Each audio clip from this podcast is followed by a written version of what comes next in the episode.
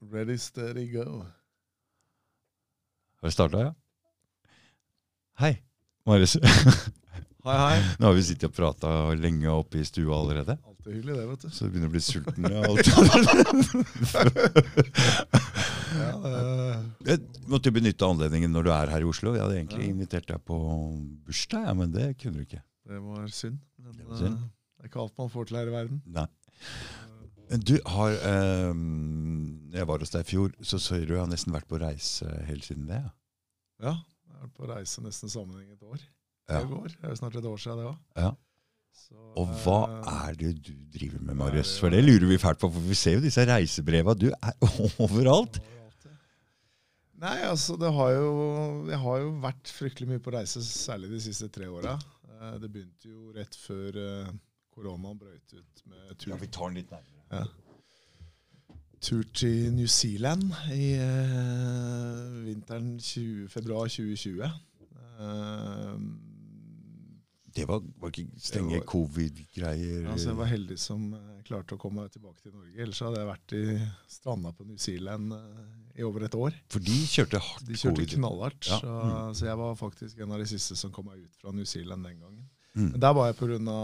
barnevernet, fordi at eh, det var en uh, menneskerettsgruppe som hadde fanga opp at uh, Norge sliter med mye av de samme problemene eh, rundt barnevernet som det um, Som det New Zealand New gjør? Zealand gjør. Okay. Så, um, det var jo rett etter denne Lobben-dommen også, som kom i Menneskerettighetsdomstolen i september 2019. Så de har samme problem. Det er rart, Så- for det, geografisk så ligger, ligner det veldig på hverandre, de to Eh, landene. Helt eh, samme befolkningstall omtrent, samme natur, veldig likt på mange måter. Og Ja. samme type eh, Barnevern. barnevernssystem også. Merkelig. Er- selv om det er 20, 20 000 km unna. Ja, ja, ja. Helt på andre siden av jordkloden. Men siden det så har det vært eh, Så har det balla seg på. Det har vært uh, veldig mange reiser til uh, ulike strøk.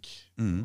Og med litt forskjellige formål, men, men, eh, men det har vært Stort sett så har reisene hatt altså De reisene jeg har hatt, hatt eh, sine formål. Og det har jo vært selvsagt ganske mye barnevern. Mm. Barnevern er jo blitt, eh, Det norske barnevernet har jo tiltrukket seg enorm oppmerksomhet over hele verden. Mm. Eh, og nå nylig så var det jo premiere på en Bollywood-film i India. Ja, for Bollywood er stort Det òg. er det største i verden. Altså, Ja. Det er mye større enn Hollywood. Det er større enn Hollywood. Ja, ja, mye, mye større. Husk på at det er 1,5 milliarder mennesker i India. vet du. Mm. Så um, den filmen um, Jeg har vært med litt i kulissene i den, eh, i den saken i mange år. Mm. Hva heter filmen? Ja? Mrs. Chatterjee versus Norway. Ja. Uh, håper kanskje at det blir en oppfølger også. Så det er bra. Der er eh, Dag, Men- Dag, eh, Dag kontrollerer. Dag Det er bra, kontrollerer. det er Han sier til Marius snakke. Men, uh, men som sagt, altså barnevernet helt siden, helt siden 2015-2016 så har uh, det norske barnevern tiltrukket seg enormt mye interesse i, uh, rundt omkring i, i, i verden. Mm. Og for bare noen måneder siden, i begynnelsen av mars, så tok jeg med meg en delegasjon til Istanbul. Eh, Tony Omdal, Oddvar Espegård og andre etter hvert kjente menneskerettsforkjempere innenfor det. Mm. hvor eh, tyrkisk eh, TV, altså de store TV-kanalene i Tyrkia, da er jeg såpass interessert i dette temaet fortsatt at de, de lager dokumentar om det, og den, den slippes vel nå ganske snart, den også. Så det viser jo at interessen selv etter mange år er til stede. da. Mm. Og, og for mitt vedkommende så er det primært tre, mm, tre formål med disse turene. Det ene er jo å knytte kontakter internasjonalt i forhold til den jobben jeg gjør. Jeg mener jo det er en vinn-vinn i forhold til at du, du får fokus på menneskerettighetene i ditt eget land, altså menneskerettighetsbrudd, Og det tror jeg er utrolig viktig, for at Norge er et eh, lite land som eh, Og vi trenger fokus rundt de menneskerettsbruddene som skjer her. Mm. Fordi at eh, nordmenn, og det vet jo du også veldig godt om, og det har man jo sett under koronatiden nå, at det norske folk er veldig konform. sånn at de som kjemper, de som, de som sliter med menneskerettsbrudd eller menneskerettsovergrep i Norge, de blir veldig aleine. Mm. For det er veldig vanskelig å få på en måte genuin støtte i den norske befolkningen. Vi kan ikke tro det. igjen. Jan. Nei, det er akkurat det. Altså, det, det. Du kan si hva du vil om den norske stat, men én ting skal de ha. De er flinke til å hjernevaske den norske befolkning når det gjelder denne type ting. Sånn at uansett om det slippes ned en atombombe over eh, befolkningen, så vil det norske folk være veldig konformt i forhold til det den norske stat og det norske system. Mm. Sånn at, eh, og da er den muligheten for å, for å få mer oppmerksomhet rundt disse krenkelsene det er å benytte seg av utenlandske kanaler som har en litt annen holdning til det. Du ser jo også det i forhold til altså Mitt arbeid er jo helt uinteressant for uh, norsk mainstream-presse, f.eks. Mens ja, ja, det er veldig interessant i utlandet fordi at de har en annen tilnærming til det. Og Det er jo fordi at uh, også pressen, vi har et problem med pressen etter min mening i Norge, fordi at den er altfor tradisjonsbundet i forhold til maktapparatet. Mm. At, sånn at så, så, det er jo det ene. Det andre er jo det at uh, jeg har reist rundt og innhenta dokumentasjon. Uh, det er jo ingen hemmelighet at uh, jeg selv personlig også har hatt en sak mot staten i mange mange år. Og, den, og nå er det liksom på tide å få the grand final rundt den. Ja. og i den forbindelse så er det, har det vært viktig også for min egen personlige del å knytte de kontaktene som jeg mener er viktige, for å også reise oppmerksomhet rundt det. Eh, Fortell litt om eh, den. Eh, du, vil du fortelle om det? ja, ja, nei, det, det, det, kan jeg fortelle masse om. Ja. Nei, altså, det, Dette er jo en langvarig konflikt mellom meg og norske stat som går helt tilbake til dykkersaken. Det begynte jo det begynte jo for 15-16-17 år siden, dette er at, da jeg holdt på med nordsjødykkerne, at jeg følte personlig at jeg ble angrepet sjøl.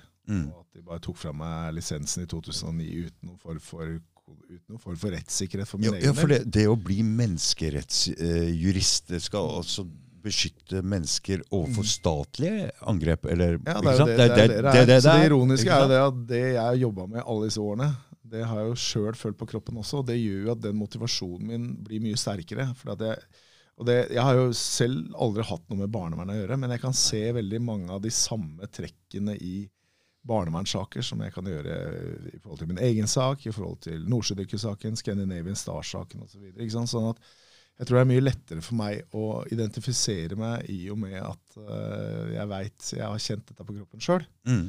Det gjør jo også at dette med barnevern har vært interessant, selv om jeg er for et barnevern. Jeg, det må vi ha. Mm. Og, og, jeg personlig har aldri hatt noe med barnevern å gjøre. Jeg har aldri Nei. hatt noen problemer i forhold til mine barn. Men, men, men, jeg kjenner den dynamikken som gjør at det er mye lettere å, å identifisere seg med de overgrepene som, som, Norge også er dømt for da, i, i Menneskerettighetsdomstolen 15 ganger bare siden september 2018. Så det er jo, ja, altså at Barnevernet er en eh, Det går mange mm, så, mødre rundt og er redde ja. for dette barnevernet. Ja, det, Med og uten grunn? Eller? Uten grunn men, men, på disse reisene mine så har jeg jo møtt veldig mange familier som har flykta. Ja. Altså, det, det, er jo fortsatt veldig mange familier i Polen, f.eks. Det, er, eh, det er familier eh, i Dubai. altså det er eh, Selv i Etiopia har det vært familier som har flykta til. Så, mm. så, det er jo Colombia, f.eks. Ja, for det er en veldig liten forståelse for hvordan mm utlendinger oppdrar barna. Alt skal foregå på de mest pedagogisk riktige måtene ja, her. Dette er jo også norske familier da, som har flykta. Jeg møtte jo f.eks. en familie i, Panama, i Panama som hadde flykta fra norske barnevernet. Mm. Som har vært delvis eh, sånn, sånn at det er spredd over eh, ganske stor utstrekning i, i verden også. Mm.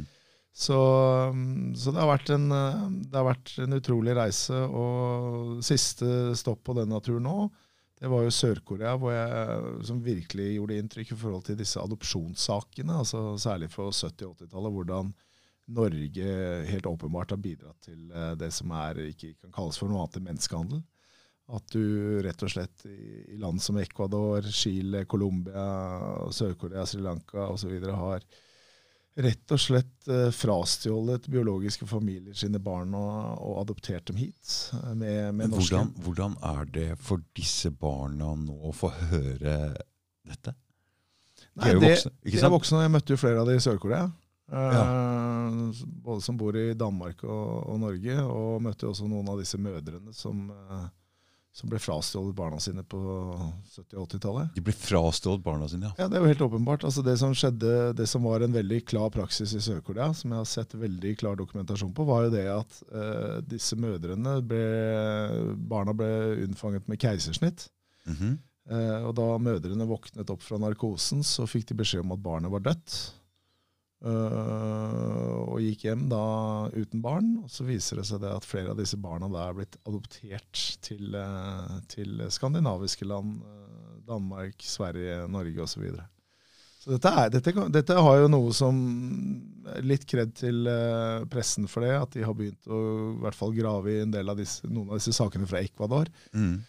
Men, men, dette er en ny sånn kjempeskandale som kommer opp nå, Eh, hvor, hvor, disse adopsjonsprosessene er helt åpenbart illegale, og hvor penger og disse adopsjonsfirmaene i henholdsvis Sør-Korea, Norge, Ecuador osv. har tjent store penger på, uh, på, det som er menneskehandel. Og hvor, hvor, regjeringen da bevisst eller ubevisst har vært med på, på en illegal praksis som, uh, som gjør at disse eksempelvis de jeg møtte i Sør-Korea, da vet jo um, Har jo fått en uh, har jo fått en, en, en sannhet som, uh, hvor de er rett og slett blitt frastjålet familiene sine på en, uh, på en grusom måte. Uh, de vet jo ikke engang hvor gamle de faktisk er. Jeg spurte hvor, hvor gamle er dere, og de, de må bare anta for eksempel, at de er så og så gamle. De har ingen eksakt fødselsdato, f.eks. For de er ikke registrert i systemet i det landet de kommer fra? Nei, de er jo erklært døde. I F.eks. i Sør-Korea så ble de jo erklært for døde. ikke sant? Og Så kom de da til Norge på et tidspunkt, men det er ingen som vet hvor, eksakt hvor gamle disse barna er. Så det, det, det, det gjorde veldig inntrykk, og det er jo noe som Eh, særlig altså, I Menneskerettighetsdomstolen så er Norge dømt for i mange av de sakene Norge er dømt nå. altså De, de siste 15 dagene så dreier det seg om at Norge da har krenket menneskerettighetene ved å, ved å adoptere disse barna i strid med menneskerettighetene. F.eks. denne Lobben-saken. For det er hindret tilbakeføring det de går på mesteparten av de dommene i Strasbourg? Ja, det, det, det, dreier seg om det at Norge ikke tilrettelegger for tilbakeføring. Men de er også dømt, må huske på det, at de er også dømt for da ulovlige adopsjoner. Altså Lobben-saken f.eks., så var det jo da i strid med EMK um, artikkel 8 å adoptere, frata Trude Lobben uh, foreldreretten og adoptere dette barnet. Det var en krenkelse av EMK artikkel 8. Så dette er jo et mønster som du ser igjen. Så barnevernssakene og disse adopsjonssakene har mye til felles i forhold til illegale adopsjonsprosesser. Da. Og Det er noe som jeg eh, brenner for å følge opp nå når jeg lander litt i Norge og begynner å sette dette ned på papir. Mm. Den dokumentasjonen jeg har. Og det, det er klart at det, det er ikke noe god reklame for Norge.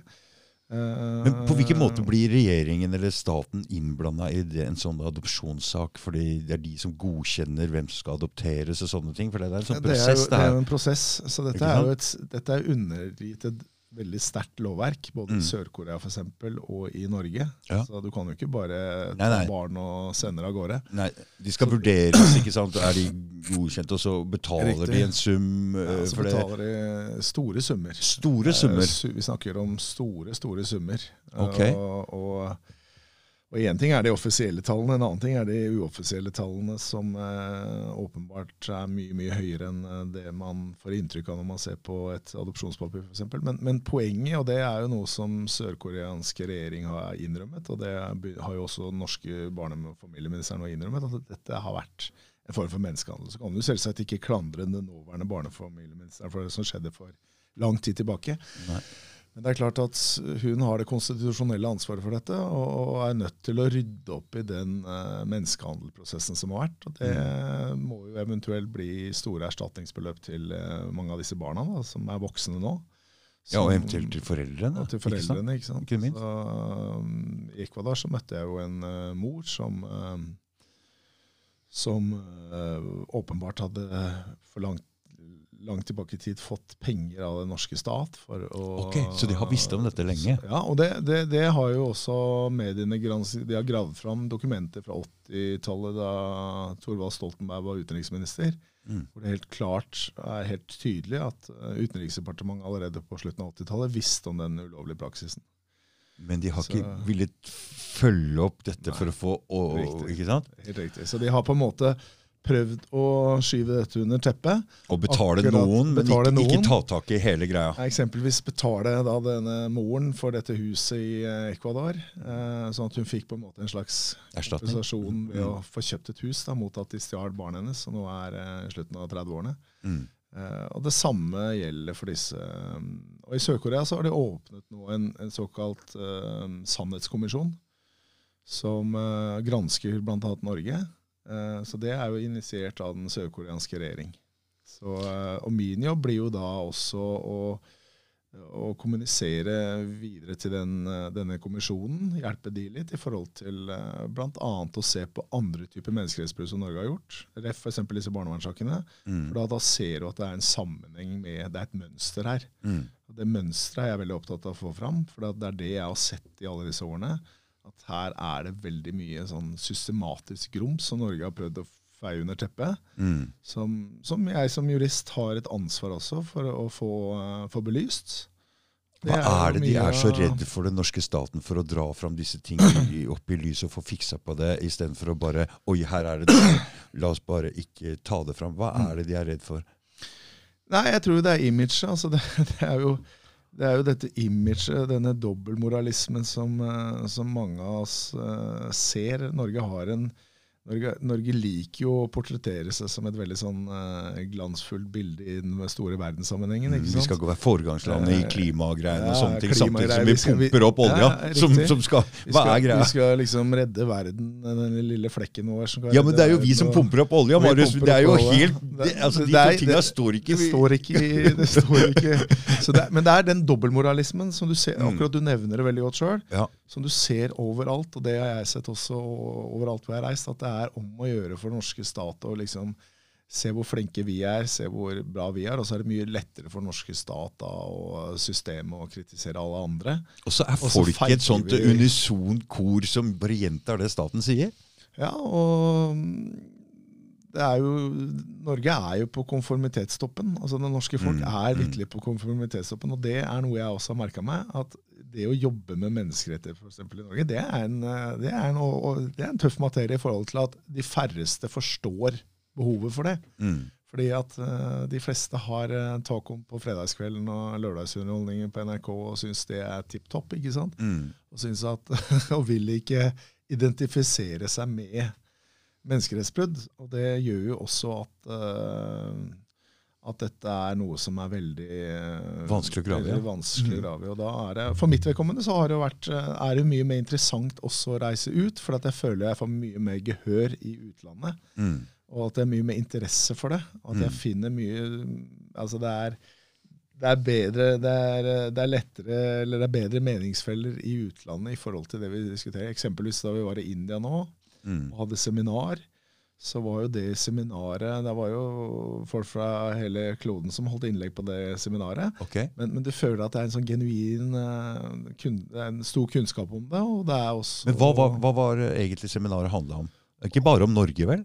Jo, det handla jo Det var jo utgangspunktet om denne filmen, da. Mrs. Chatterjee versus Norway. Så det var et Eh, seminar i India med folk fra hele kloden som prater om problemet med barnevernet i Norge? Riktig. Så det, og det var folk fra Brasil, det var folk fra, det var, eh, det var folk fra mange mange steder, som i USA, som hadde innlegg om eh, og i kjølvannet av denne filmen. da. Så Norge er jo Og det tror jeg man skal være veldig obs på. at eh, Vi snakka litt om dette med den svake krona. Ja. Og, og det har jo, er jo noe som er veldig sånn rart å tenke på at eh, Norge som er et land som økonomisk går så det griner, i hvert fall ifølge myndighetene. da. Mm. Og så, så, um, så ser du i hvert fall at tilliten altså um, en, Mye av den forklaringen jeg har blitt fortalt, det er jo bl.a. det at tilliten i verdenssamfunnet er den norske tilliten er ikke så stor som man kanskje får inntrykk av når man hører pressen her hjemme. Mm. Og det kan være en medvirkende årsak f.eks. at krona har liten, uh, har liten verdi nå i forhold til andre valuta. fordi at tilliten til uh, det norske systemet er mindre enn det vi liker å tro. Mm. Og det er noe jeg også får inntrykk av når jeg er ute og reiser. Jeg, jeg, jeg kan tro på det, for det, det med pengesystem og sånn, det har noe med tillit å gjøre. Og, det, og, og denne filmen, altså, dette er, dette, denne, denne saken som den filmen handler om, det var jo en sak tilbake i 2011 som skapte enormt rabalder mellom Norge og India, helt opp på utenriksnivå. Mm. For de tulla litt med feil folk her. Hun hadde kontakter, Hun hadde kontakter, i... Ja. Og de kødda med feil folk, rett og slett. Ja. Og, og Jonas Gahr Støre var jo utenriksminister på den tiden og fikk jo veldig tydelig beskjed fra indiske utenriksministeren at du har så og så lang tid på å fikse denne saken. Ellers så kan du bare glemme alle avtaler som Norge gjør med India. Et land med 1,5 milliarder mennesker. ikke sant? Mm. Så, så, så, så dette er noe som, eh, som åpenbart har eh, stor betydning for Norges eh, ikke bare omdømme, men altså kapitalinteresse i utlandet også. At man får et inntrykk. Og tror jeg, Der tror jeg norske myndigheter undervurderer utlandet veldig tydelig. At liksom, ja, det er bare en barnevernssak, det gjør ikke noe. Men det er klart at når det kommer en Bollywood-film som eh, Når Bollywood og alle steder da investerer så mye tid og energi i en film om norsk barnevern, så er det jo nettopp fordi det er stor interesse for det. Men hvor stor er den filmen her, og hvor stor er Bollywood eh, egentlig, Marius?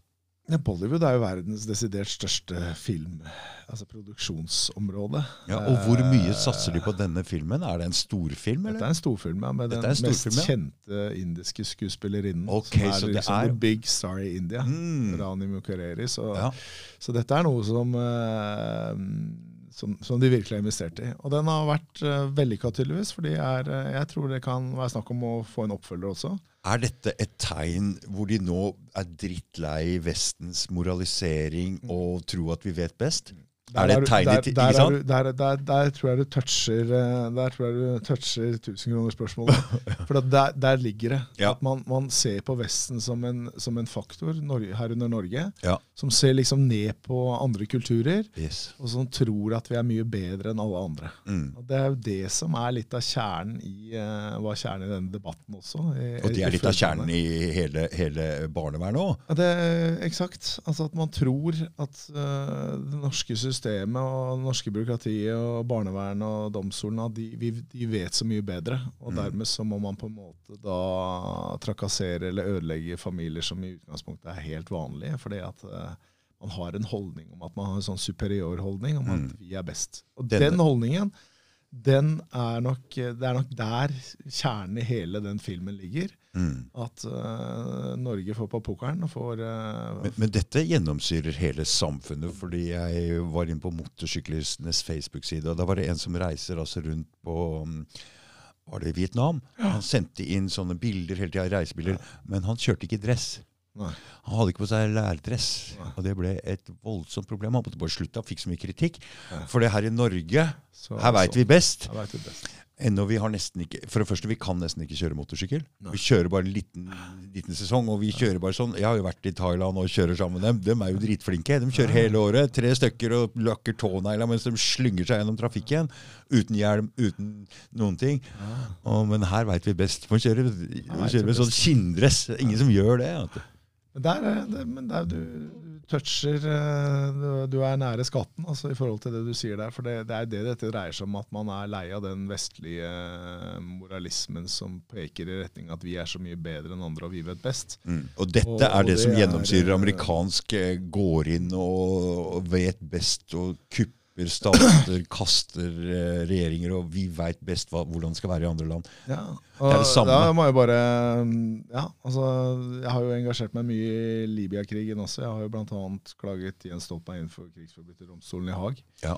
Uh, og grunnen til at jeg har uh, gjort det, er jo fordi at jeg sjøl var i Libya i 2009, før krigen. Mm. Uh, kjørte inn fra Tunisia. Og så et land som fungerte veldig bra. ikke sant? Altså I afrikan målestokk, Mm. sikkert det beste landet i afrikan av de 54 landene i Afrika. Så vil jeg tippe at i hvert fall på det tidspunktet så, så var Libya et velfungerende samfunn. Og han brukte penga til innbyggerne, Innbyggerne sine. ja, de hadde Mm. gratis strøm, og de hadde veldig mye gratis goder. Mm. Og, og jeg fikk i hvert fall det inntrykk da jeg var i Tripoli, at det var et eh, sted som, eh, hvor folk var fornøyd. Mm. Eh, og så ser du skrur du av telefonen din, du? Eller, eh, ja, mine, setter den på mine- flymodus? Mine, mine er på A, i hvert fall. Min er også på A. Det er et eller annet som durer her. Så, men, men så ser du da at den vestlige den, denne vestlige moralismen igjen da gjør at uh, Vesten da bare sender bombefly over Libya og ødelegger landet totalt. han blir jo Altså, framstilt som en sånn gal hund fra Libya, ble ikke sant? Den gale hunden fra Libya. ikke Ja. sant? Og, og, og Vesten da bare høvler over, herunder Norge som slapp fem, var med og slapp 588 tunge bomber over libysk territorium. Mm. Uh, fordi at Vesten vet best. Og Den holdningen den, eh, den gjenspeiler seg jo i, eh, i, i disse sakene. det, Mm, i, mm, i, så, så du kan på en måte ta, dra det fra storpolitisk Ja. kapitalisme og vestlig arroganse og helt ned til, eh, og ned til barneverns... Helt, helt tilbake til kolonitiden og hele den pakka her. Så her ligger det det, er, det skjer ting rundt omkring i verden nå, når vi ser BRICS-samarbeidet, og de går Ja. fra dollaren, og at det- Russland får en del støtte for for Ja, det de gjør. Det, Øh, det er klart, men, men poenget er i hvert fall at og, og, og Da jeg var i India, fortalte om bl.a. det faktum at eh, 15 i hvert fall 1500 taterbarn ble stjålet fra sine familier på 60-, 70- og 80-tallet, Mm. så ser man jo et mønster her hvor Norge gjennom generasjoner da har vært med på å eh, drive rett og slett med en form for menneskehandel. Eh, som, som gjør at eh, enten så må vi ta et oppgjør med det og, og komme med oppriktige beklagelser og gi kompensasjon til de ofrene som har vært, eller så vil jo dette manifestere seg som et problem som Norge har, som gjør at Norge vil bli sett på som en veldig arrogant nasjon som ikke tar et oppgjør med menneskerettsbruddene sine. Og Det er jo det vi ser i disse barnevernssakene fra EMD. At Mm. Norge har ikke gjort noen ting, absolutt ingenting, for å rette på de krenkelsene som de er dømt for. Så Det betyr jo at de, de menneskerettsbruddene de vedvarer jo hele tiden. ikke sant? Så det hjelper jo ingenting at Menneskerettsdomstolen har sagt at dere krenket menneskerettighetene, for Norge gjør det samme om og om igjen. Og litt det samme tilbake i India-saken òg. Altså, alle er jo enige om at det var et fryktelig overgrep mot den indiske familien. Eh, det var ingenting som skulle tilsi at de barna ble eh, revet vekk fra sine foreldre. Men, Men, selv sånn den dag i dag så har ikke Norge gjort noe som helst for å beklage dette overfor India eller for den familien. ikke sant? Så det er det, er det samme mønsteret, at vi bare, vi bare durer på. Og, og litt det samme tilbake til Libya også. Vi har aldri tatt et oppe med den Libya-krigen. Aldri rettet noen formell beklagelse til det libyske samfunnet. Og vært med på å bidra til å ødelegge det landet fullstendig. totalt det, Jeg kan ikke reise nå. Jeg har jo prøvd å komme inn der for å eventuelt samle mer dokumentasjon i forhold til den klagen jeg har reist inn for uh, krigsforbryterdomstolen i Haag. mm. Uh, eller den internasjonale straffere, strafferettsdomstolen i Haag. Men, men det er ikke mulig å komme inn der, for det landet er i totalt en anarki. Så, så det sier jo litt om hva man har. Altså man har gått fra da jeg var der, i 2009, til nå til å være med og bidra. Vesten har altså ødelagt fullstendig et uh, velfungerende samfunn. Men da virker det som om disse som styrer dette landet, de har ingen intensjoner om å gjøre noe hvis ikke folket reiser et krav uh, mot det. Nei. Om det, eller om at noe skal skje. Og da, Siden media totalt svikter sin rolle, for det er det som påvirker egentlig folkets mening, Ja. så får vi ikke gjort noe med det. Uh, men da samler det seg opp stadig mer grums, en eller annen gang så vil den bobla sprekke. Ja, og spesielt kanskje. når det kommer eh, alternative medier eh, som ja, trenger, popper opp. Vi, vi trenger Altså, det. Ja, for det, dette skjer jo i utlandet nå. Nå er jo podkast-greier og alternative vinklinger på ting er jo kjempestort.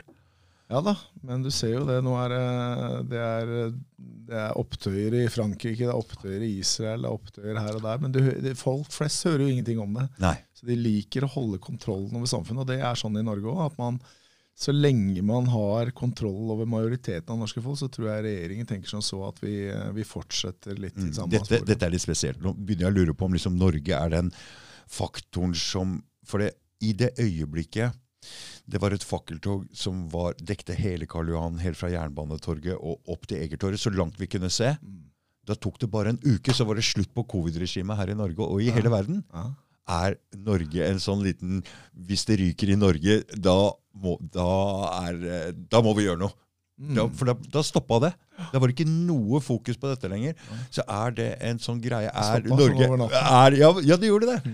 Men er det at eh, Så er Norge det en sånn bare, det, ikke bare Norge, det stoppa jo over hele verden. Ja, så jeg tenker, er Norge en sånn hvis De følger med på Norge, og de ser at hvis befolkningen i Norge Da tenker de nå går det ikke lenger.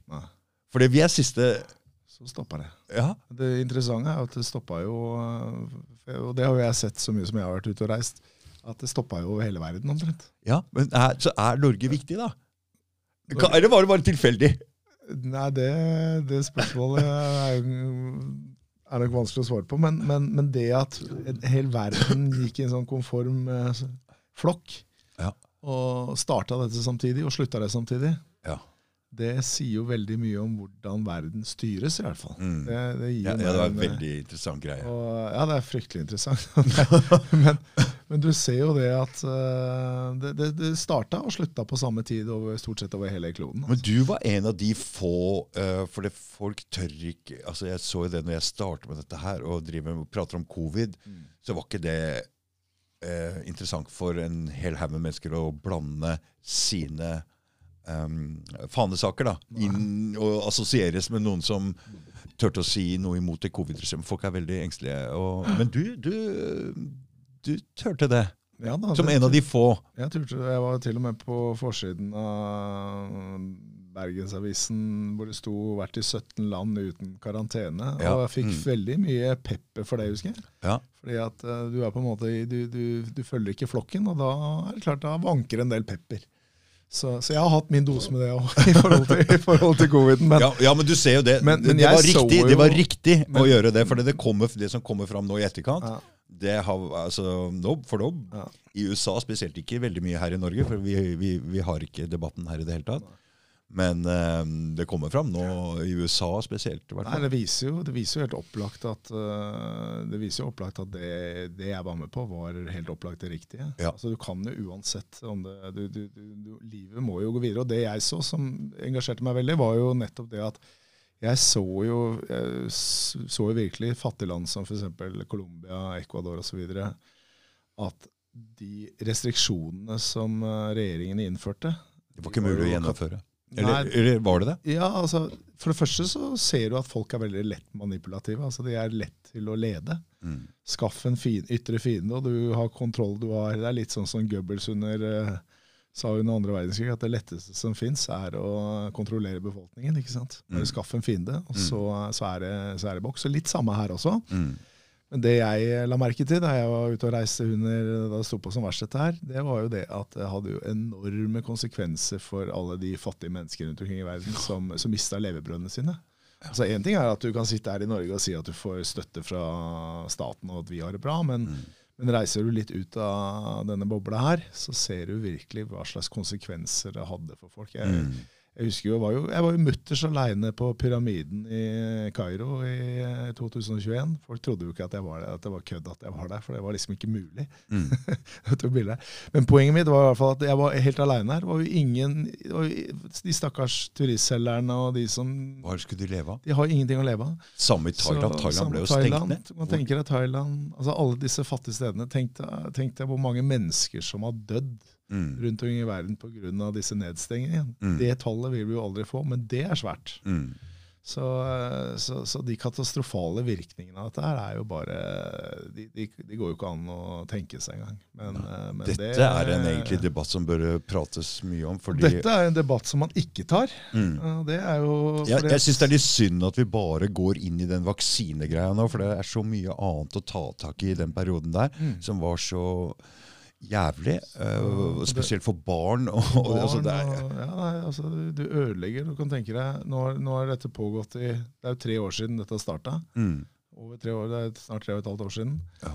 Og du kan jo tenke deg, Det er ganske lang tid i løpet av et liv. altså. Ja, i hvert fall for et barn. Deg, ikke, ikke minst for barn, så må du tenke deg hva, hva slags konsekvenser, senkonsekvenser får dette. Og, mm, så jeg tror at uh, vi må bare innse at dette er en av tidenes største feilgrep. Og, um, mm, og, og det er jo, men, men allikevel, selv om veldig mye kommer til overflaten nå Eksempelvis så um, skulle jeg gjerne vært i Stavanger forrige helg i forbindelse Ja, med den klart konferansen. konferansen. Det kunne jeg ikke. Men, eh, men, men det at det er ingen, det er ingen mainstream media som skriver om dette den dag i dag, selv om Mm, du har så mye informasjon Mm. at dette her var eh, Mm. Disse konspirasjonsteoretikerne hadde veldig mye rett. mm. De som ble hudfletta omtrent. Og skulle nesten, det var jo liksom ikke måte på hvordan mennesker altså De skulle jo stemples i panna. og Det var, det var jo en mobbekultur som var helt fryktelig. ikke sant? Mm. Men selv om det viser seg at utvilsomt at det har vært, de har hatt veldig mye rett, så er det om å gjøre å kneble disse stemmene og ikke la, og, og pressen vil på en måte ikke ta et oppgjør med sin egen med, med sine egne fr- framstillinger. For man skal leve i det narrativet. At, eh, og det er det interessante. At du ser i hvert fall så ser jeg det, at du, du ser et mønster, om det er korona, barnevern, nordsjødykker. Altså det er samme mønster, og det er dette narrativet om at uh, vi skal være så vellykket og flinke, og, Mm. og når uh, overgrep begås. For dette, dette, vi snakker jo om altså noen av verdenshistoriens største overgrep. Altså Det er ikke tvil om det over hele verden. over hele verden, så er det om å gjøre å fortsette i dette narrativet om at dette var riktig og dette var nødvendig, osv. Ja, for i Norge så er vi jo nå enige om at vi må skaffe en permanent pandemilov, og alle Ja, er, og så er det alle, og alle er enige om at vi takla det bra, for vi ser på naboland. ikke sant? Det er jo VG, VG skriver 'Europamester i korona', ikke sant? Og folk jubler og sier ja, 'så fantastisk å bo i dette landet', og ditt og datt.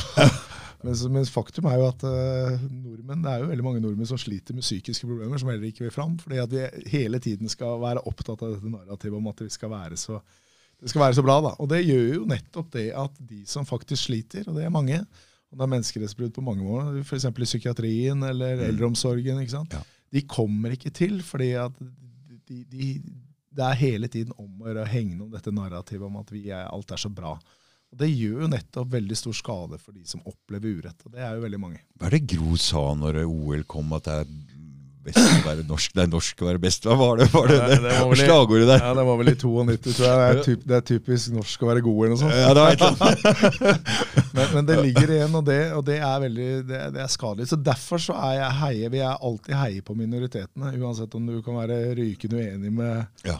med folk. Men, men jeg elsker folk som faktisk tør å stå opp. Mm. Og, og, du, og, og står du oppe i Norge, så vil du alltid, det er garantert, du vil alltid være en del av minoriteten. Mm. For at majoriteten de vil ikke ut av den bobla. Så Derfor så er det så utrolig viktig den jobben minoriteten gjør med å Mm. ta opp disse tingene og tørre. Selv om det er ubehagelig. ikke sant? Altså, det er ikke lett i Norge. Nei, du må være- ha en sterk vilje og et sterkt sterk ego også. så- Og så- så- det, det er, og det er litt et problem, for her krasjer folk litt eh, mot hverandre Ja, i etterkant. Så det er jo ikke, det er jo ikke alt man vi er, eh, Selv vi på minoritetssiden vil jo være uenige mye oss imellom. Men, Ja. men den jobben de, alle de menneskene gjør, den er mye, jeg tror den er mye viktigere enn det folk er klar over. Mm. Fordi at hvis ikke, hvis alle hadde gått i takt, så hadde jo eh, Det, du, hadde det jo, er det mest farlige i et samfunn. Farligste. Farligste det, og det er mer enn nok folk i Norge som går i takt. Altså, ja, si sånn. ja, ja, ja, vi må være Så, så det er egentlig Og Det er jo den materialismen, og det var jo en av disse nordsjødykkerne som sa til meg rett før han døde at Marius, det, jeg er nesten skamfull for at jeg var med på å bidra til å gjøre Norge så rikt, sa han. Fordi at vi kanskje hadde hatt det bedre uten oljen. Altså, Det er noe med den tankegangen at den materialismen som vi har, mm. som vi nyter godt av alle sammen altså, Hvis du drar til India, ser, altså, du får jo perspektiver når du er ute og reiser. Se hvor heldige vi er Ja. som materielt sett. Så ser du i hvert fall det at, uh, at jeg tror eh, han hadde veldig mye poenger i seg rett før han tok kvelden, denne dykkeren. At, uh, at vi kanskje hadde stått oss med, med å ha litt mer humanisme og litt mindre materiell rikdom. Det, det tror jeg må være konklusjonen på, på det. Jeg er absolutt enig, for det, det, er sånn den olje... men, men den, den materielle rikdommen gjør jo nettopp det at folk blir eh, Det er jo som et dop, ikke sant? At Mm. folk blir dopa ned. Mm. og De er fornøyd med Jeg ser jo det på vennegjengen min f.eks. i Bergen. For eksempel. flotte, flotte karer, det. 40-50-årsalderen. Mm. Men det er klart at de har sin, eh, de, sin sfære og syns det er greit å leve i den bobla. Mm. Og så lenge paychecken kommer inn, og de har, eh, kan eh, ha det greit materielt sett, så er ikke, så er det ikke menneskerettigheter de er opptatt av, selv om andre kanskje lider av det. Så, det så det gjør jo at den, de som står eh, med menneskerettsbrudd i Norge, de står veldig alene. og Derfor er denne jobben som mange gjør på minoritetssiden, om det er korona eller hva det måtte være, den, den er viktigere enn det folk tror. Det er sånn når vi kommer med penger og reiser liksom til utlandet og er turist, så, så, så sier folk nordmenn til hverandre de liker oss veldig godt. Ja, liker, ja. Nordmenn er veldig Ja, nordmenn De liker ikke svenskene og sånn, de liker oss nordmenn best, men det er jo fordi vi har penger, hva? Og bruker mye penger på disse turiststedene. Ja, det tror jeg òg, men jeg tror, det er en, jeg tror det der er en myte. Jeg tror ikke folk bryr Spania eller Portugal eller bryr seg så mye om det nordmenn. Jeg tror det er mer en tanke nordmenn har, at vi er så snille, vi er så greie, vi er så, span vi er så rause når vi er ute og reiser, at de elsker oss. Ja. Men, men, men vi får være ærlige, altså. De færreste bryr seg om et lite land i Norge med en liten flekk oppe i nord med fem, fem millioner mennesker. Det er litt som, som jeg sier at jeg var i India, at du kan ta hele Norges befolkning og putte den i India, og så kan du bare slippe en bombe over hele Norges befolkning. Det var er ingen som ville merka det engang, for at det er så få. Mm. Så, så det er klart at eh, vi skal ikke overvurdere betydningen vår av eh, vår egen selvforherligelse. Altså. Det skal vi ikke, for det er, eh, folk er ikke sånn kjempeopptatt av Norge. Men det er noe vi tror, da, vet du, at vi, det er så Ja. bra i Norge. Og, Ja, men jeg, jeg har jo en sånn idé om at hvis vi kan forandre noe her i Norge, så vil det bli lagt merke til. da.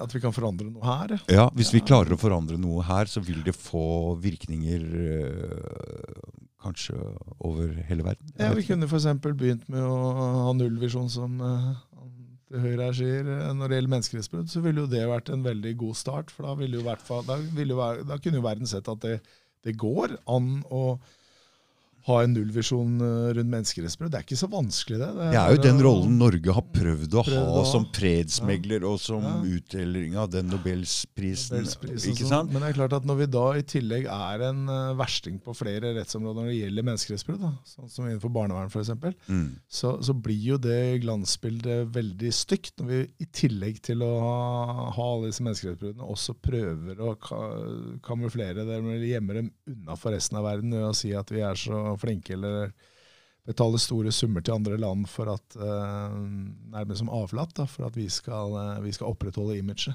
Mm. Så det imaget er noe jeg er opptatt av å prøve å bryte ned. For det at Norge må, det er som alltid, altså når, når du bryter menneskerettighetene sånn som Norge har gjort, så må du også ta ansvar for å rydde opp. Og Mm. det, vi er jo ikke i nærheten av å rydde opp i de bruddene vi faktisk skal bidra til. Og hva er det der gjerriggreiene med at de ikke ville betale de få nordsjødykkerne for den jobben og den erstatningsansvaret? Hva er det for slags rar greie som vi ser igjen hele tida nå? Ja. At de sparer og er gjerrige på noe. Altså Hvis jeg hadde styrt den lommeboka her, så hadde jeg gjort det helt annerledes. Ja. Jeg hadde gjort så at folk hadde vært fornøyde, og hvis de hadde blitt begått urett mot, så hadde jeg retta opp i det og gitt dem en Så de hadde følt Det er ikke bra at norsk befolkning føler seg Eller Nei, og, og de, disse Nordsjøgutta de måtte altså kjempe i rettssystemet i nesten 20 år før de fikk en viss form for uh, ja, Hva er den greia der som vi Så det, ser så det er hele om tiden? å gjøre staten. Det var om å gjøre, ikke sant? Bruke, bruke gjerne millioner av kroner på å fighte mot sin egen mot disse heltene som faktisk var med på å bygge opp Istedenfor å gi dem de Istedenfor penga. å gi dem de penga og si at vi var lei oss for det vi gjorde, og det var åpenbart. Det var jo litt sånn som eh, Nå kan jeg jo si eh, Treholt er jo gått bort nå, men eh, da jeg besøkte Treholt på Kypros i 2011, så sa jo han veldig tydelig at da var Jens Evensen havrettsminister, og, mm. Og Treholt var statssekretær for han. Ja. og kom jo Jens Evensen med sigaren i munnen i departementkoren og sa at nå har vi fått rapporten om nordsjødykkerne. ikke sant? De vil bli skada på jobb, for at vi har ikke sikre dykketabeller. Det må vi holde kjeft om, for at hvis det blir kjent, så eh, får vi ikke opp, pumpet opp oljen. Så Det sier jo veldig mye om hvordan dette systemet har vært. At det er om å gjøre og men, hel, menneske, helse og liv og helse Mhm. var underordnet av materiell rikdom. Og, og, der, og den kampen har jo Så det at de visste om det på forhånd at Det de kom visste de. Okay, Ja, ja, Så de det er derfor det. de aldri ville De ville ta, tak- aldri ta, ta tak i det. Så var det om å gjøre å fighte mot disse gutta så lenge som mulig. Ok. Helt Mm. til uh, Menneskerettighetsdomstolen da slo fast også der at Norge brøt menneskerettighetene ikke sant, i desember 2013. Men selv etter den dommen så har jo ikke Norge tatt, eh, norske myndigheter tatt et skikkelig oppgjør med nordsjødykkerne heller. De har gitt dem noe uh, småkompensasjon i forhold til tapt liv og helse. Men aldri tatt et oppgjør og beklaget sine, sine menneskerettigheter. Det som, du det sa, det som du sa nå, at han eh, Hva het han? han, han, han Treholt. nei, ja, sa om han eh, Evensen? Ja, Ja.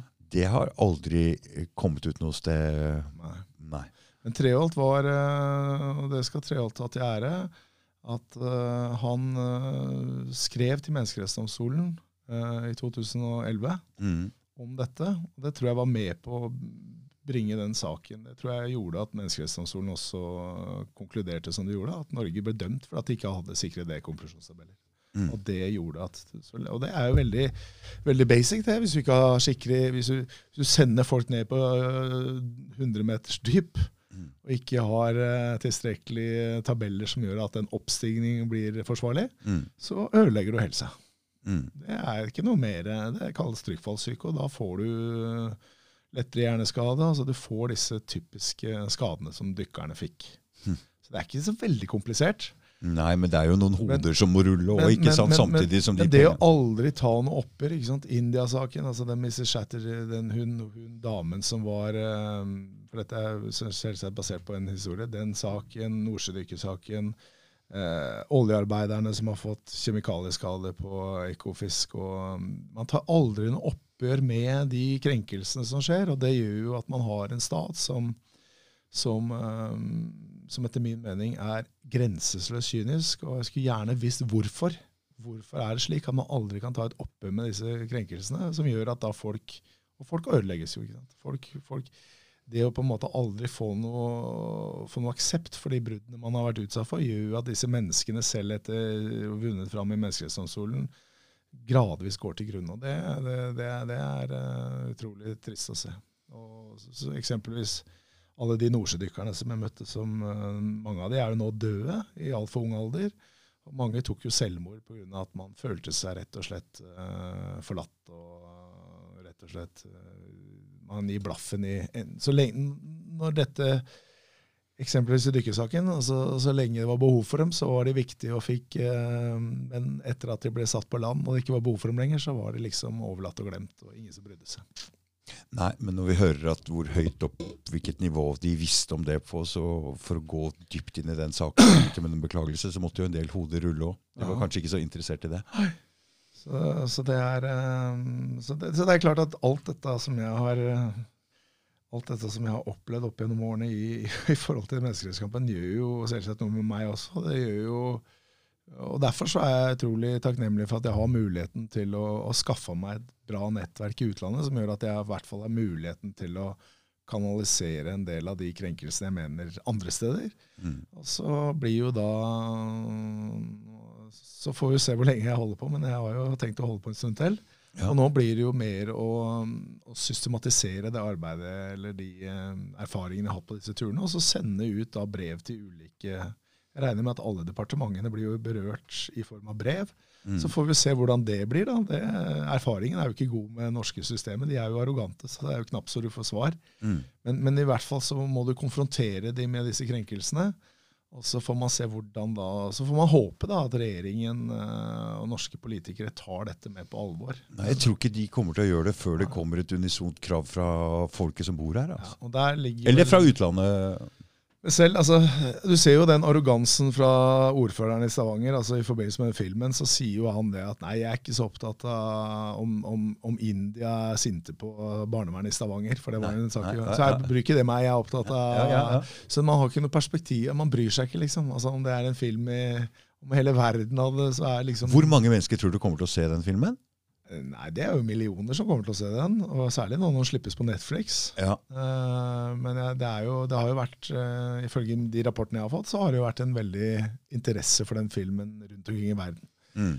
Så, um, så, den er jo allerede blitt sett av veldig mange. Hvor mange vet jeg ikke, men, men det er såpass at den, den er allerede betegna som en suksess. da. Mm. Og, og, prater om en oppfølger og greier, og kanskje? Var det det?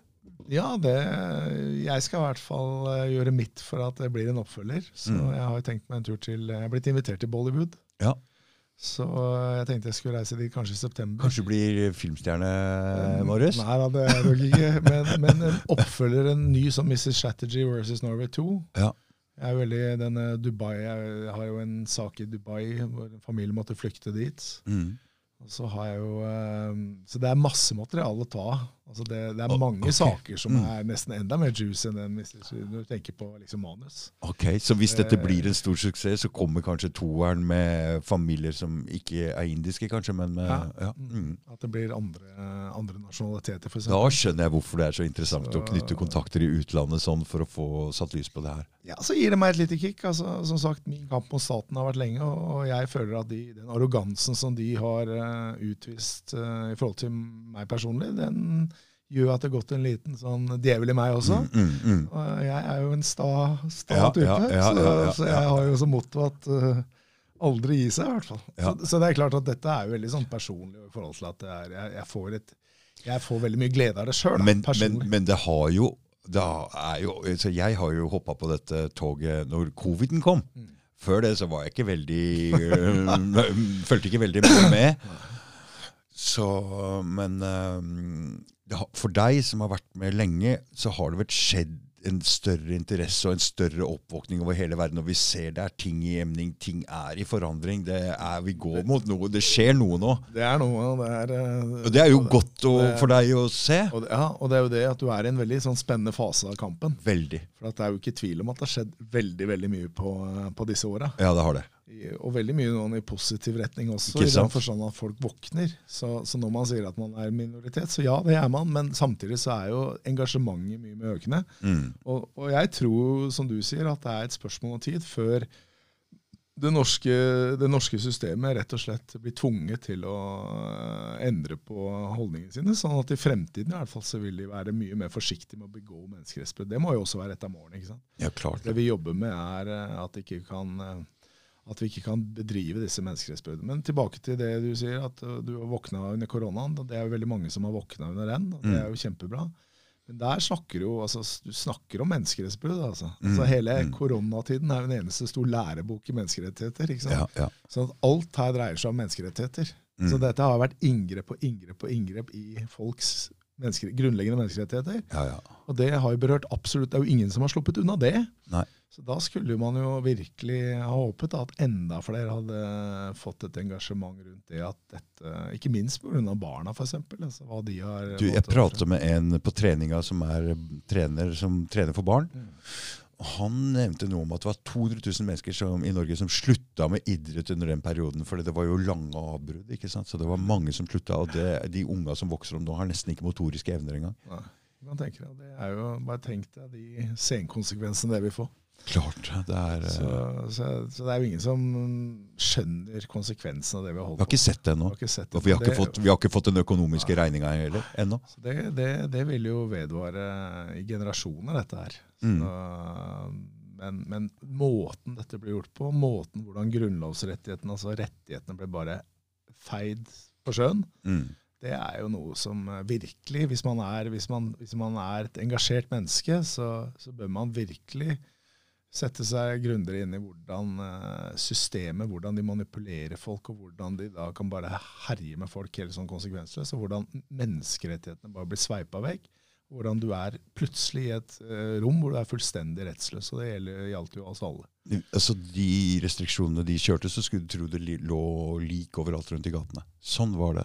Ja, jeg det skulle vel vært den første som var død, så mye som jeg har reist. ikke Ja. sant? Jeg har vært frisk som en fisk, jeg. Så, Mm. så, så det også sier jo litt om Ja. altså Hvis du skulle tatt denne propagandaen på ordet, da, så Ja, ja. skulle jo jeg vært der for lenge siden. Mm.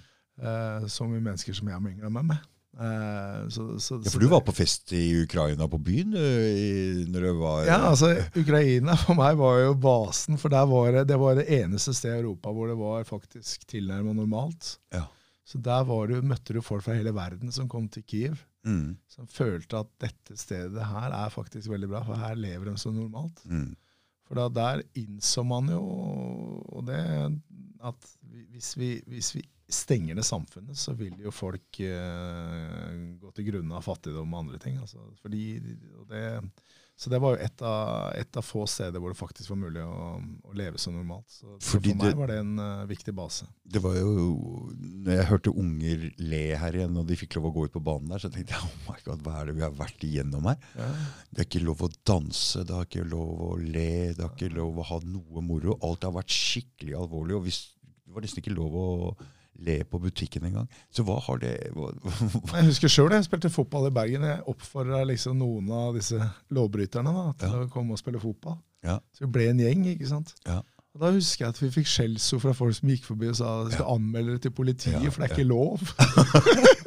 Ja, altså Vi spilte fotball, og, og det var liksom folk raste og var sånn bry, lovbrytere. Nå skal jeg ringe til politiet og be politiet komme her. Det var en sånn der tid som var eh, Men det ser du den dagen. Det er ikke lenge, det er bare noen dager siden at uh, lagmannsretten i Bergen kom til at uh, det var lovlig å hindre Altså stoppe feste med flere enn fem uh, deltakere. Okay. Så det sier jo litt at dette henger jo igjen, ende. var det en rettssak om det nå? Ja, det har Mm. vært, eh, så, det, så det sier jo litt om rettssystemet og hvor, eh, hvor, lojal, hvor lojale de er mot systemet. Mm. Så selv, eh, for det var noen unge jenter som var seks-sju stykker på en fest. Mm. Og så kom politiet på døra og ga de forelegg på 20 000 og sånn for Mm. dette her. Og de, Og de har dratt den opp til Og den uh, endte hele veien opp i Høyesterett. Oi! Og så sendte tilbake tilbake til lagmannsretten med klare føringer om at dette var lov. Så dette var fullt innafor. Så det sier jo veldig mye den dag i dag. Og det ironiske er jo det at da, da Nordsjødykkersaken, da, da vi holdt på med den i det norske rettssystemet for mange år siden, så sa norske domstoler at siden dette ikke lenger var noen altså, siden dette ikke lenger var noen menneskerettssak, da, for at, eh, så sa de faktisk at eh, vi kan ikke dømme i saken, for det er ikke lenger noe vedvarende menneskerettsbrudd. Men når Hva, det gjelder hva mener du? Det var ikke Jeg forstår ikke helt. Nei, altså, Disse menneskerettsbudene hadde jo opphørt for lenge siden. Riktig. sant? Riktig, var ja. jo noe som skjedde på 80-, 80-90-tallet. Ja. Så, så de sa at siden vi nå er på 2000, langt oppe i 2000-tallet, så kan vi ikke behandle saken, fordi det er ikke lenger noen eksisterende menneskerettsbrudd. Dette er noe som skjedde for lenge siden. Oh. Men når det gjelder da denne, feste, denne festedommen, da, Ja, så For dette er jo også noe som opphørte, ikke sant? ja, ja. Det er jo lov å feste nå. ja. Men nå var det plutselig greit. Nå kunne de gå tilbake, Aha. for nå var det staten, på statens premisser. Så, så du ser det at så lenge det er på statens premisser, Ja. så er liksom alt greit. Og det er, eh, det er jo det som er det store problemet også med norske domstoler. Eh, som gjør at det er helt nødvendig også å ta et oppgjør med norske domstoler. Mm. At de har denne holdningen, som de også har erkjent i forbindelse med Nav-skandalen. Så innrømmet jo talskvinnen for norske dommere at eh, jo, vi hører på, vi hører på eh, staten. Mm. Sånn er det. Mm. Og, og det gjør jo at uh, staten vinner stort sett i ni av ti saker. Men dette er litt sånn Det gjelder forsvarsadvokater òg. For det når Riksadvokaten sa mm, Ok, så han Geir Evanger uh, gikk ut og sa at hvis de mister det våpenet uh, og ransaker folk og gå gjennom telefonen og dra hjem til folk, så mister politiet det viktigste våpenet vi har. Hvis den rusreformen gikk gjennom. Ja. Og da sa Riksadvokaten eh, mm, det er ikke lov. Det har, og det har, dessuten så har det aldri vært lov, sa Riksadvokaten. lov, Og da fikk eh, forsvarsadvokatene et lite sånn What?! Og det har vi ikke visst om, og da ble det en del eh, saker som de krevde erstatning for sånn i etterkant. Men dette burde jo egentlig forsvarsadvokaten ha visst om allerede. Hvis, hvis det er sånn som Riksadvokaten sier, har aldri hatt lov til det. Så det har vært sånn i 30 år. Men Det er jo litt av problemet med den norske advokatstanden, at det er ingen interesse for grunnleggende menneskerettigheter. Nei. Så veldig lite, Og det gjør jo at folk mister da rettighetene sine. Mm. Dette er jo veldig elementære menneskerettsbrudd. Det har pågått i lang, lang Ja, for det er tid. menneskerettighetsbrudd, det der. Ja, ja, det er det er menneskerettighetsbrudd. Mm. Men det er ingen som har brydd seg. Nei. Og så kommer det nå ære kred til han eh, riksadvokaten Ja, for det. Ja. Jeg Ære, æres den som æres bør. Mm. Problemet er jo nettopp det at du ser i barnevernssaker, du ser i disse russakene, ransakelsessakene, samme mønster overalt. Mm. Ingen som bryr seg om menneskerettighetene. Som gjør da at veldig mange mennesker opplever da disse krenkelsene og får da redusert livskvalitet eller ødelegges på ulike plan. Mm. Men tror du Baneheia-saken og den rusreformdebatten og sånn, det er jo noe på gang, en slags forandring? De må jo prate litt på kammerset? nå. Ja, det er, det er jo veldig bra at uh, justismordene kommer til overflaten. Mm. Uh, og det kryr jo av dem. Ja. Så det er jo det er jo så mye å ta av etter hvert. At, uh, Ja, men De er nødt til å gjøre en eller annen form for reform her. så, så, men de, de reformene de lar jo vente på seg. Og Det Ja. er det jeg eh, ser, at du, du, du får mye oppmerksomhet rundt Baneheia-saken, mye oppmerksomhet rundt Birgitte Tengs-saken. Mm. Eh, disse ransakelsessakene, noe i barnevernssaken osv. Nav-skandalen og sånn. Men allikevel, til tross for alle disse skandalene som popper opp, Mm. så, så ser du ikke noen Du ser ikke de endringene som må til. Og det Nei, men jo at noe det- må foregå bak på kammerset må- der. De, de, altså, de må jo det. prate om det her, for det er jo åpenbart et Men dette dreier seg jo om? Altså, det, vi, vi ser jo bare toppen av isfjellet. mm. Dette dreier seg om en systematisk, systematiske krenkelser over tid. Jeg skal Og si en annen ikke- ting også, som jeg eh, har vært klar over siden jeg har vært kriminell og sånne ting, og det er at eh, eh, det ble brukt veldig mye isolasjon og varetekt. eh? Og de tar inn en narkoman, og de sier hvis du sier det her og her, sånn som vi vil, så slipper du ut. Hvis ikke så går du rett inn på brev- og besøksforbud, og du slipper ikke ut før du sier det vi vil. ok? Og da er det jo bare å si Så slipper du ut. Og, men, men så kommer rettssaken, da. Og så står du og sier at ja, men jeg sa bare det fordi og de, og trekker tilbake forklaringa av det. Og da tar altså det norske rettssystemet og sier at nei, vi tror ikke på det du sier nå. Vi tror på politiforklaringa det Og dette gjelder ikke i USA hvis du f.eks. blir drept, da, sånn tilfeldigvis før du kommer i retten og ikke gjentar den politiforklaringen, så er den ikke dritt verdt. Uh, og det har vært et Det er et stort nå er, Jeg veit ikke om de blir brukt like mye, men altså, de brukte isolasjon veldig mye. Jeg har pratet med folk som satt et år isolert. altså De var helt totalt ødelagt etterpå. Det har Norge blitt kritisert for mange ganger også. Ja, for er jo, du, jo, du er jo uskyldig inntil du blir dømt, og du blir brukt som en sånn for å presse ut av deg en eller annen ting som de vil. da. Men, Dette er ikke sånn eh, avhør skal foregå. Men, men, men alle disse tingene du nevner nå, har jo Norge blitt kritisert for. Ja, det håper jeg virkelig. Og, men har ikke gjort noe særlig med det her heller. Så, så, så, så uansett hva Norge blir kritisert for av uh, ulike krenkelser, eller dømt for, så, så fortsetter disse bruddene. Altså vedvarende menneskerettsbrudd er jo en veldig god beskrivelse. Mm. Det er litt sånn som i Fosen-saken nå, at de, de som lenka seg utenfor uh, Olje- og energidepartementet, disse samene, Mm. De, de, er, de treffer jo planken, og det er jo det den debatten dreier seg om. At dette dreier seg om vedvarende menneskerettsbrudd. Så kan du være enig i det, men du har en høyesterettsdom som sier at de krenket samenes rettigheter. Mm. Og, det, eh, og når du krenker rettighetene, så er reparasjonsplikten veldig enkel. Du skal sette stille de krenkede som om krenkelsen aldri hadde skjedd. Mm. Altså Du skal reparere bruddene. Mm. Og Det betyr jo at du skal fjerne de eh, vindmøllene. ikke sant? Her er det store økonomiske interesser inne i bildet. Men store økonomiske interesser inne i bildet. Ja. Litt sånn som jeg, Men Norge har jo nok av penger! Norge har masse penger, og det var jo litt av det jeg gravde litt på da jeg var på Bahamas nylig også, Mm. hvor de penga handler hen. Og det var jo veldig interessant å se at på Bahamas var det flotte kontorlokaler for denne skandalebanken Credit Suisse. Ok. Hva er det for noe? Eh, Nei, det er jo, var jo en, Nå er jo den kjøpt opp, for den gikk jo, den, eh, det gikk jo nylig ad Dundas. undas. Ja. Men, men sveitsiske banker kjøpte opp den. eh, Men, men, det som er interessant, er jo det at Credit Suisse har jo da hatt store økonomiske interesser nettopp i dette vindprosjektet der oppe på Fosen. Så, og, Og det hvem, er og hvem stats- og hvem er det som eier Hvem er det som har eid, i hvert fall vært aksjonær, jeg tror kanskje aksjonær en av de større aksjonærene i Credit Suisse? Og det er jo det norske oljefondet. Så her, og så plutselig så ser du at her kanaliseres jo pengene rett i Bahamas og disse skatteparadisene. Så det var litt av grunnen til at jeg var på Bahamas, bl.a. pga. Scandinavian Star-saken.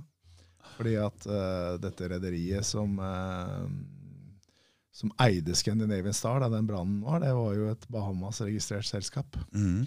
Så, eh, så du ser jo det at Norge er jo tungt involvert i skatteparadiser også. Så, eh, så men, men poenget er akkurat som du sier igjen, at dette dreier seg om storkapitalismen. Altså disse eh, vindparkene, Mm. som da må gå foran selv om det foreligger en høyesterettsdom som eh, Men hva er det med disse vindparkene? Fordi det er, blir på en måte finansiert eller subsidiert av den norske staten nå, ikke sant? Ja. Er det ikke det? Og denne batteriparken som skal bygges uh, oppe i nord, Ok. på Hylleland her, som, hvor, hvor staten allerede har uh, gitt lånegaranti for milliarder av kroner. Mm. som ikke er bygd engang. Uh, så du ser jo det at det grønne skiftet, da, det Mm. narrativet som vi lever i, Ja. det er jo en enorm gullgruve for, for noen, ja. som da tjener enorme penger på det. det er jo, og det, Der traff jo denne Exit-serien på NRK eh, etter min mening det sabla bra. Okay. Mm. At det er helt akkurat sånn det foregår. At det kanaliseres, og så sluses dette gjennom skatteparadiser med norske med, med regjeringens fulle støtte. Mm. Og det er jo akkurat det som Så, så det traff jo veldig godt å være på Bahamas og disse skatteparadisene og se dette med egne øyne. Jeg prøvde jo, Idet jeg kom inn i Credit Suisse sine lokaler der, så tok jeg bilder. Det var jo bare, det var jo bare stopp med en gang. Jeg ble jo kjeppjagd ut, for å si det sånn. Men, eh, men, men tilbake til det. altså det treffer godt. og Dette er jo igjen dette narrativet om det grønne skiftet. Det, altså Folk lar seg lure, og det kommer jo til å koste skjorta for vanlige folk. Det ser du også på strømprisene nå. ikke sant? Mm. Mens noen da enorme kapitaleiere rundt omkring da tjener eh, milliarder på milliarder. Og det Mm. er litt sånn dette hvordan vi blir lurt, altså. Rett og slett, i dette, i dette kyniske spillet. Det er jo en annen ting som du driver og legger ut mye av. Denne eliten i Norge og disse forbindelsene de har med hverandre. Er det bare en liten gjeng med Hva er dette for noen folk, eh, Marius? Nei, altså Norge styres etter meg. Altså, det var på Belize nå nylig, så traff jeg ordføreren i en liten by. Han sa at han, han kom jo inn på dette med I Mexico styrer, Mexico styres av fem familier. Eh, Guatemala styres av sju familier. Eh, Belize styres av fire familier. Altså satt på spissen, da. Mm. Eh, Hvor mange familier styrer Norge? Ja. Og det syns jeg var veldig bra sagt, for det, det, det gir deg jo rom for å tenke litt. Hvordan er det egentlig Norge styres? Mm. Og Hvis du ser litt på hvordan dette samfunnet Jeg, jeg bor i Bergen ikke sant, og ser liksom hvordan en liten Jeg kaller det en liten klikk. da, det er mange som, Vi får kalle det en elite. da, Ja. Så, så er Norge et lite land som styres av en veldig sånn konsentrert maktbalanse, Mm. som, som stort sett befinner seg kanskje i Oslo. Mm. Eh, hvor det er helt åpenbart at dette med bindinger eh, og kontakter og det, det styrer veldig mye av samfunnet. Og det er jo bare å se på den der, eh, se på den uh, Nicolai Tangen-saken. Da han eh, ville ha den oljesjefjobben, Mm. så tenkte han som så at da inviterer jeg, mine, da inviterer jeg eliten på eh, tidenes smøretur. Svir av 30 millioner på Sting-konserter og luksus i USA.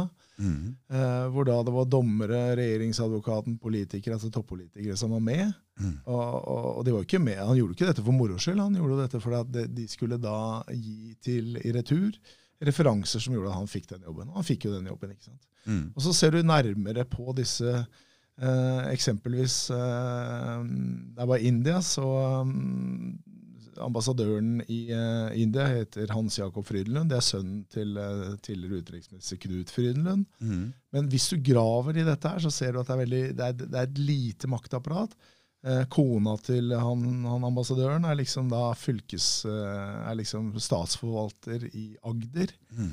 Eh, se på eksempel hvordan, hvordan blir du statsforvalter i Norge, f.eks. Jo, det er jo bare å se på lista, så ser du at alle har hatt en slags sånn De får den jobben som sånn takk for tro og lang tjeneste i norsk politikk. F.eks. Bent Høie, som gikk fra å være helseminister til å bli statsforvalter i Rogaland. Eh, spørsmålet er hvorfor får alle disse, disse jobbene? Er det, de er jo ikke nødvendigvis best kvalifisert, men det er fordi de er innenfor et system. Mm.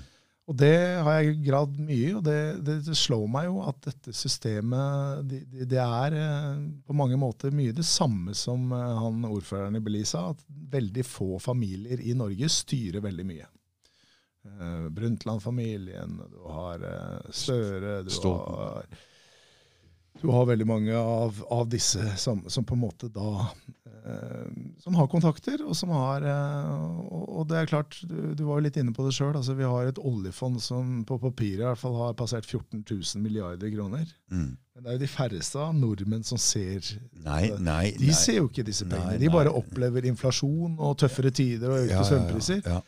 Eh, og så må du stille deg da de spørsmålene hvor, hvordan er det denne pengeforbruken egentlig Hva er det som gjør at Norge eh, er så annerledes enn andre land? For korrupsjon og statskriminalitet, det skjer jo i alle land. Mm. Eh, og det var litt sånn som en eh, italiensk advokat sa til meg for noen år siden, at i Italia så har Norge er, ikke, Norge er nok ikke noe bedre enn Italia. Men i Italia så har vi da åpen korrupsjon, mens dere prøver å lukke den. Dere har lukket korrupsjon.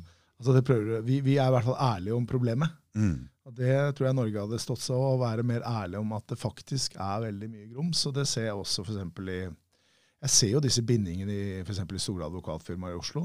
Mm. Eh, denne, tilbake til disse skatteparadisene. I 2010 så aksepterte jo Høyesterett at eh, advokatfirmaet Thommessen fikk sluse milliarder av kroner til skatteparadis bare fordi at pengene sto på klientkonto. For at de, Så lenge det står på klientkonto, så er liksom hellige midler, så kan du gjøre hva du vil med dem. Ok.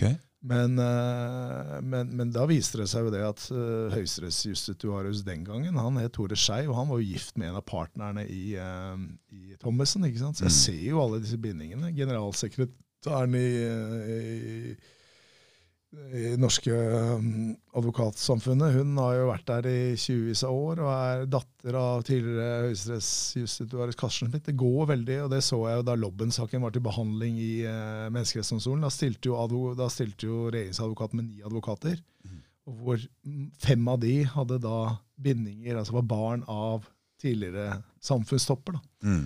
Så du er jo nødt til å se dette i et større perspektiv, og se det at i Norge så er det også veldig små forhold som styrer veldig mye av det som da vi vanlige da blir, eh, blir eh, fortalt. Blir det vanskelig å kvitte seg med det greiene der da? Mm? Det blir vanskelig å kvitte seg med å forandre på noen ting uten å kaste, kaste gjengen på båten da? Ja, altså du må altså Du er nødt til å ha store endringer i Norge hvis du skal ha et mer rettferdig samfunn, og et, mer, eh, et samfunn som eh, går mye mer i retning av mindre menneskerettskrenkelser og mindre elitisk sånn uh, tankegods, i hvert fall. Mm. Så, men så lenge, så, som sagt igjen, det må jo staten ha, at man har klart å kontrollere befolkningen veldig godt gjennom generasjoner ved å gi dem liksom brød og sirkus. Mm. Og det, og det gjør jo også at da denne koronaen kom, så var jo det var jo bare noen få som turte å liksom gå ut av narrativet og si at dette keiserens klær er Kanskje han er naken allikevel. Selv om det ser veldig fint ut. Mm. Fordi at man, man er født og opp. Og jeg husker jo sjøl veldig godt da jeg snakka med folk eh, sånn, ja, vi, er, vi er så heldige som bor i Norge, for at her tar staten så godt vare på så vi må, vi må følge rådene til punkt og prikk. og Mm. Og, og liksom den der, dette narrativet, det, det, det, det, er utrolig interessant å se hvordan altså, folk responderer på, Mm. på en slags eh, hvis du, hvis du bare lager en fiende. Altså ingen som, Veldig få tenkte, tør å tenke, tenke selvstendig. Og Derfor er jo sånn som den konferansen som dere hadde i Stavanger, og sånn, det er jo utrolig viktig at man får eh, man hele tiden tør å være i opposisjon og tenke kritisk til de som, eh, de som styrer og de som bestemmer. Jeg tror det var veldig godt for mange å komme dit og treffe andre likesinnede. Og jeg tror mange av de, altså spesielt folk på høyere nivåer, og professorer og sånn som har stått litt ja, aleine i det, alene og treffer nå og endelig får en slags Ah, endelig kan jeg se at jeg ikke er aleine. Endelig har jeg litt, eh, litt å si. Nei, det er, det er utrolig viktig. Så jeg applauderer alle jeg, som, eh, som tør, å, tør å tenke litt utenfor boksen. Det er, det er viktigere enn noen gang. Mm. Er det, så jeg tenker litt på, ok, så Norge er veldig konforme, men tror du det har noe med den naturen og det ugjestmilde eh, miljøet vi er vokst opp i hvis du ser flere hundre år tilbake? Det var ikke lett å stå aleine i et sånt samfunn. Du måtte nesten være en av altså Du kunne ikke stå utenfor flokken og overleve. Du måtte, var avhengig av andre mennesker. Er det noe av det som har preger vår eh, måte å være på, eller? Ja, det tror jeg. Det må jo være en, en god referanse å holde, forholde seg til. At man, at det, er, det er et land hvor, eh, hvor, det, hvor det er viktig å holde seg Å være en del av flokken. Være en del av flokken, fordi Mm. at det er en slags overlevelsesmekanisme. Mm. Og Det er klart, det, det vet jo alle som har vært turt å gå utenfor flokken, at det er, det er forbundet med en del ubehag. Og det er klart at du skal, du skal ha litt sterk rygg for å stå utenfor flokken. For det er jo klart at det er mye lettere å stå innenfor flokken, ikke ha noen meninger og, og leve Altså, for meg så har det vært Men jeg er jo i helt spesiell situasjon og har ingenting å tape og sånne ting. Og alle bare syns jeg er flink siden jeg driver med det her. Så jeg har, ikke, jeg har opplevd det motsatte, egentlig. Ja, men det er jo det fine med det. at Jeg tror at veldig mange som etter hvert som får litt erfaring med dette, her, altså får jo et mye mer Jeg tror man får et mye mer interessant liv. da. Det, det, det er helt sant. Det At, er, eh, det, er- livet mitt har forandra seg totalt. Du, jo, du, treffer, eh, du treffer masse interessante mennesker på din vei, og du får Mm. rett og slett Så spørsmålet er jo din egen livskvalitet. ikke sant? Vi er jo Mm. ikke på denne jorden så lenge. Nei. Så det å på en måte, som en eh, klok amerikaner sier, design your own life. Mm. Det å, og det å på en måte ha mennesker som eh, tør å brøyte ut, og som har meningers mot, og som Mm. har tenker selvstendig, bra folk, vet du. det er jo mye mer interessant da, Mye mer enn, enn å sitte og prate om eh, Tull og tøy som ikke er noe mening Selv om hva du spiste, om du spiste kjøttkaker til middag, i går, eller om nei, nei, eh, du ser på Nytt på Nytt på NRK, eller altså Den type liv er eh, Og jeg husker veldig godt for noen Det var litt morsomt for noen Ja, det er vel eh, noen år siden så traff jeg Var jeg på, eh, ut, var på et utested i Bergen. Og så traff jeg en eh, av disse gamle juskompisene mine fra studietiden. da. Mm. Vi var litt bedugget begge to, og så kommer han bort til meg og så sier han liksom ja, Marius, når skal du bli som oss andre? så merka jeg at jeg ble provosert av det spørsmålet. Ja. Litt sånn nedlatende spørsmål. Mm. Uh, så, så, så så jeg på han, og så sa jeg La oss kalle han Frank, da. Men eh, Frank, sa eh, hvem tror du har det mest interessante livet av meg og deg? sa jeg. Mm. Og da skjønte han jo svaret kjapt. Mm. Ja. Så det er jo noe med det òg. Altså, livskvalitet er eh, nøkkelord, og jeg tror at du får mye bedre og mer interessant liv ved å, ved å tenke selvstendig og møte folk som også gjør det. Og Ja, det så helt- diskutere med så det er, eh, det er jo Det må være fryktelig kjedelig å bevege seg innenfor den derre Nei, saueflokken så jeg tror at hvis man tør å stå opp og si det som man ser på som en sannhet, da, selv om det går midt imot, når vi har sett det i den f.eks. i coviden her på førsten, Mm. så vil du komme seirende ut av det på et eller annet tidspunkt. For det har snudd, og det plutselig ja, og vi, ja, det, Det vil lønne seg. Det vil lønne seg, og det viser jo det. Og ikke minst så viser det jo viktigheten av det. Da. At Mm. noen faktisk eh, gikk ut og sa det at dette, dette kanskje ikke er riktig. Og, og ikke minst i forhold til eh, menneskerettigheter. Siden alt dette som har skjedd de siste årene, dreier seg kun om menneskerettigheter. Ja. Inngrep og inngrep og inngrep i privatlivets fred. Og det å på en måte, som du sier sjøl, altså, så mange barn ikke sant, som har eh, forsvunnet fra idretten f.eks. Hva, hva, hva slags konsekvenser for det? Altså Pga. de restriksjonene og inngrepene som ble begått. Så man kan jo bare tenke seg sjøl. Mm. Så nei, det Altså, for meg som har hatt det forholdet og hatt en litt sånn at det å trene og ha idrett i bunnen der, og at jeg bare kunne skli tilbake for eksempel, og begynne å spille fotball igjen, det har vært uh, utrolig viktig for meg. Og det viser seg nå at trening og sånn er eh, veldig essensielt for å ha et eh, for å ha et ordentlig liv. Eller for Trening og, og sosial hygge. Sant? Alle de tingene som gjør hverdagen eller livskvaliteten bedre. mm, Det skulle jo da staten bare feie vekk. Du skulle ikke få trene, du skulle ikke få ha noe sosialt. Altså det, alle de livsgledene som eh, ligger til mennesker.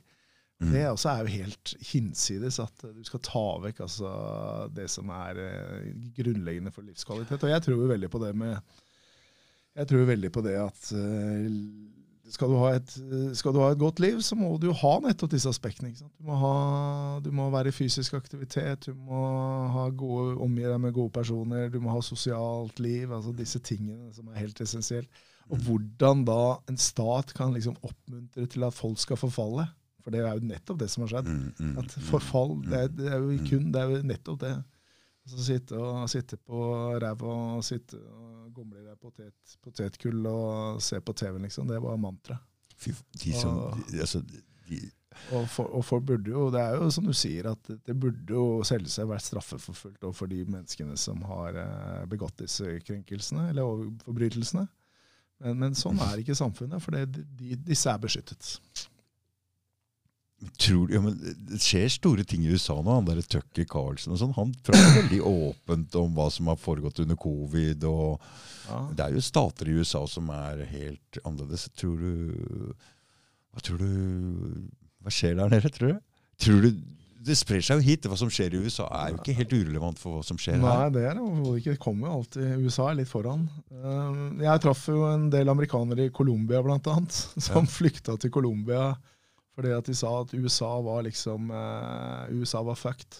Ja. Det var ingen glede igjen der. og det var bare inflasjon, høye priser, eh, for større og større polarisering i samfunnet. Ja. En slags form for borgerkrig, altså, hvor, Ja. hvor, hvor samfunnet er rett og slett i et slags forfall. Og, og det er kanskje noe jeg merka sjøl da jeg var i USA nå for noen måneder siden. At jeg, jeg var utvekslingsstudent der for mange mange år siden. Mm. Og når jeg, når jeg har vært der nå de siste gangene, så ser jeg et samfunn som jeg overhodet ikke er begeistra for. i hvert fall. Mm. Som liksom har eh, Det er, det er, det er, det er Sterke meninger på begge sider der. altså. sterke meninger på begge sider, men du kan, du kan føle en slags sånn eh, Det, det å være i USA For nå, for nå merker du, nå begynner valgkampen her igjen. Og da, er, da skal Trump han skal arresteres, og Biden og det Hunter Biden og den korrupsjongreiene der kommer opp nå. Det er såpass altså at de vil arrestere begge de to presidentkandidatene på hver sin side. Det er altså Nei, vi får, vi får, vi får se For det, den valgkampen forrige gang, 2020, med coviden oppå oppå, ja.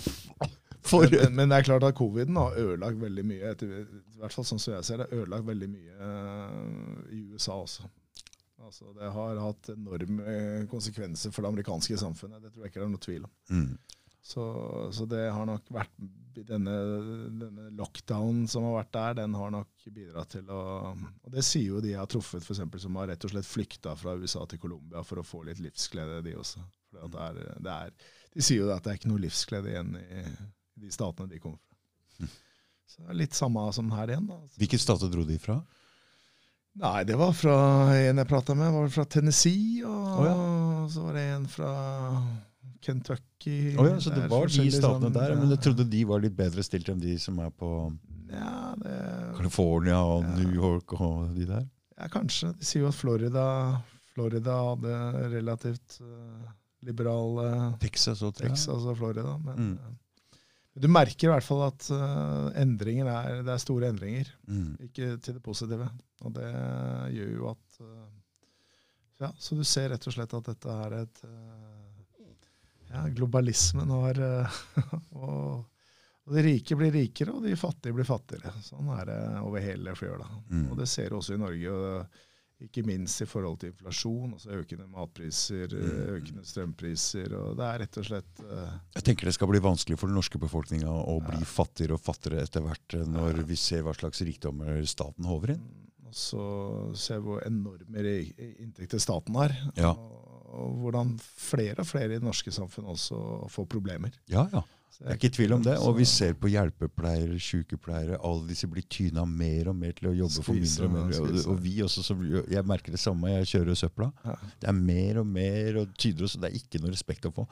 Men jeg er jo, nå har jeg jo jeg skjønt at jeg um, jobber jo i Norges mektigste gjeng, Marius. Ja, ja, ja.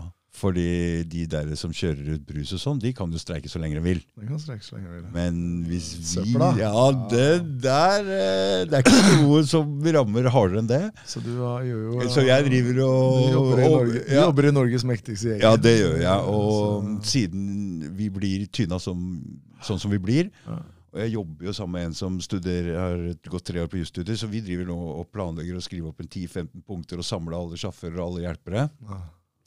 Vi, og så er det en fra Heismontørenes fagforening som sier at ja, men jeg kan komme til å hjelpe til å organisere dere. Og så skal vi bare ha bort der LO-greiene og sånn, for dem har jeg ikke noe tro på. Og så skal vi se om vi ikke får vist hvor skapet står hen. Veldig bra.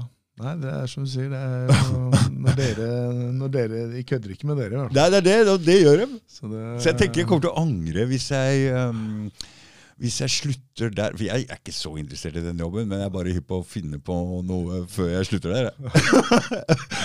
Lag litt, eh, lag litt brudulje der, altså. Det er veldig bra. Det er, det, er, eh, det er mye å ta tak i. Ja, det er helt klart. Så Skal vi dra og spise, Marius? nå er vi vel litt sultne hele gjengen. I så dag er det du som skal spandere? Er Marius? jeg kan spandere. Vi tar, Ok. og, vi tar, og, tar oss en god eh, middag. Ja. Takk for praten, i hvert fall. Takk for praten, Veldig Marius. Ja. Så, eh, det var det. Alltid kjekt. ja, ha det.